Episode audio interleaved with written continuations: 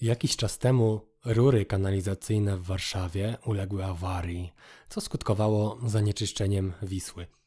Włączyłem wtedy jeden z kanałów telewizyjnych, co swoją drogą rzadko mi się zdarza, i na pasku zobaczyłem awaria rurociągów w Warszawie. Przełączyłem na inny i tam pasek krzyczał: Opozycja winna zanieczyszczeniu Wisły.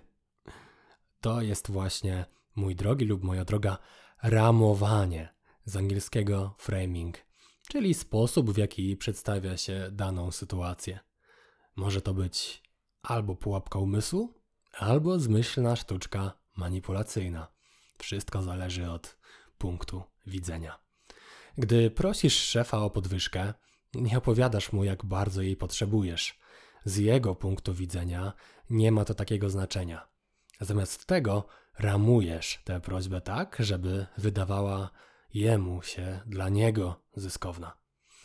Twoja zazdrosna żona prędzej puści cię na wyjazd, jeśli nazwiesz go wypadem z kumplami, niż spotkaniem ze znajomymi. Dziecko mówi: Dostałem dwójkę ze sprawdzianu. Nie brzmi to jak dobra ocena, dopóki nie doda, a reszta klasy dostała jedynki. Zawsze ramuj swój przekaz, mając na uwadze punkt widzenia rozmówcy. I tak często to robisz, po prostu nieświadomie.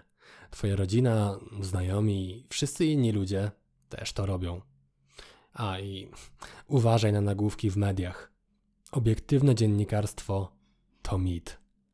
To jest podcast Zasady Gry. Do następnego razu.